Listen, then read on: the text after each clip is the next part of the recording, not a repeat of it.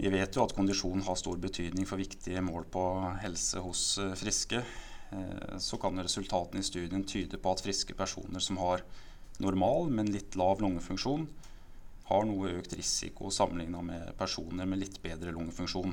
Og I et sånt perspektiv så vil jo resultatene kunne støtte tiltak og råd som har, eh, går på å bedre kondisjon, men også å bevare god, eh, god lungehelse. Da. Du hører på Serg-podkasten, og i dag skal lungelege Øystein Rask Halvorsen forklare hvorfor du bør ta vare på lungene dine, og hva du kan gjøre for å unngå at lungefunksjonen svekkes.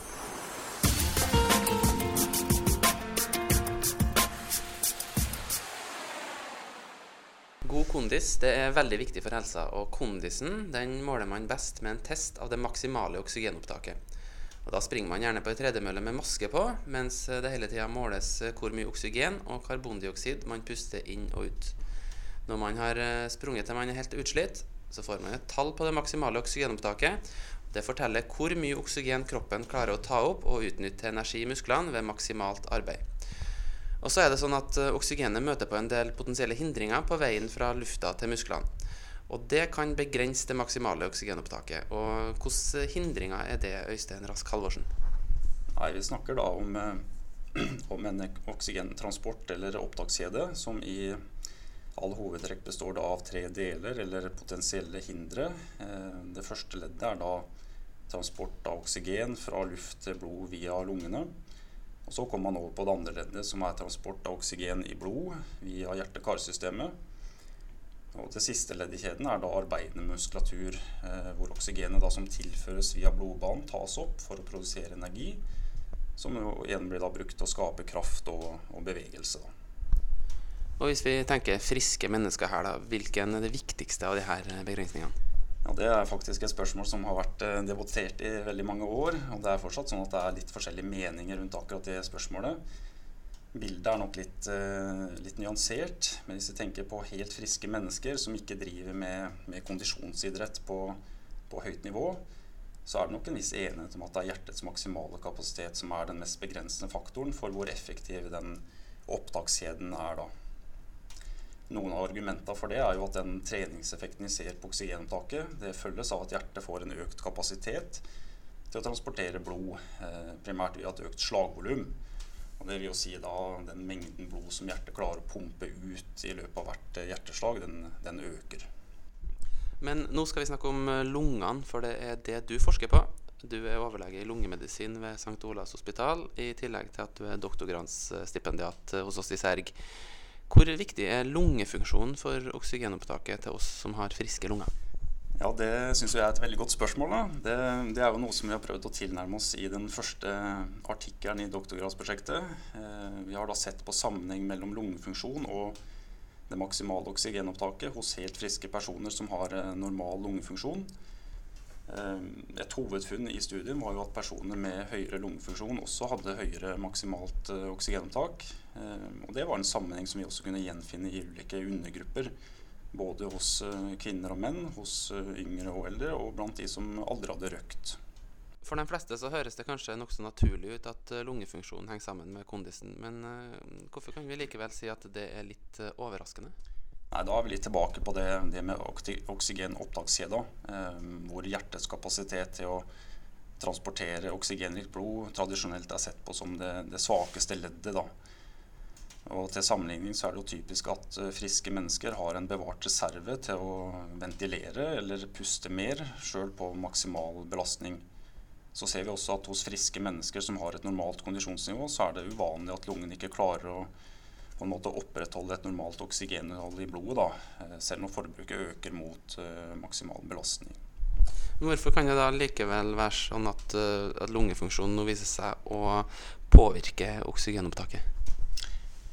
Nei, Vi må jo presisere at vi har ikke bekrefta en kausalitet som vi sier, med denne studien, eller en direkte årsakssammenheng. Men når det er sagt, så, så, kan man jo se for seg potensielle mekanismer eh, som er knytta bl.a. til pustemuskelens arbeid.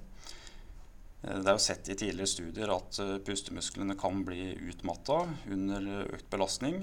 Og vi kan se for oss at det oppstår en form for konkurranse mellom det totale blodvolumet som, som hjertet klarer å levere. Det er det vi kaller respirasjonsmuskulaturens metaborefleks, altså hvor pustemusklene på sett og vis stjeler mer blod på bekostning av den skjelettmuskulaturen som utfører selve aktiviteten. En annen mulig mekanisme er også knytta mer til det pustemønsteret vi har under aktivitet. Og det kan da oppstå vekslinger inn i trykket inn i brysthulen under inn- og utpust, som potensielt kan påvirke hvor eh, graden av fylning av hjertet, og dermed pumpefunksjonen på en mer eh, direkte måte. Ok, um, Forklar litt mer hvordan dere gjennomførte denne studien, som altså ble publisert nå for en måneds tid siden. Ja, det her var jo en tverrsnittsstudie som tar utgangspunkt i helseundersøkelsen i Nord-Trøndelag, eller HUNT3. Og vi så da på alle deltakerne som hadde gjennomført både lungefunksjonsundersøkelse eller spirometri og tatt en kondisjonstest eh, med direkte måling av maksimalt oksygenopptak eh, under løping på tredemølle.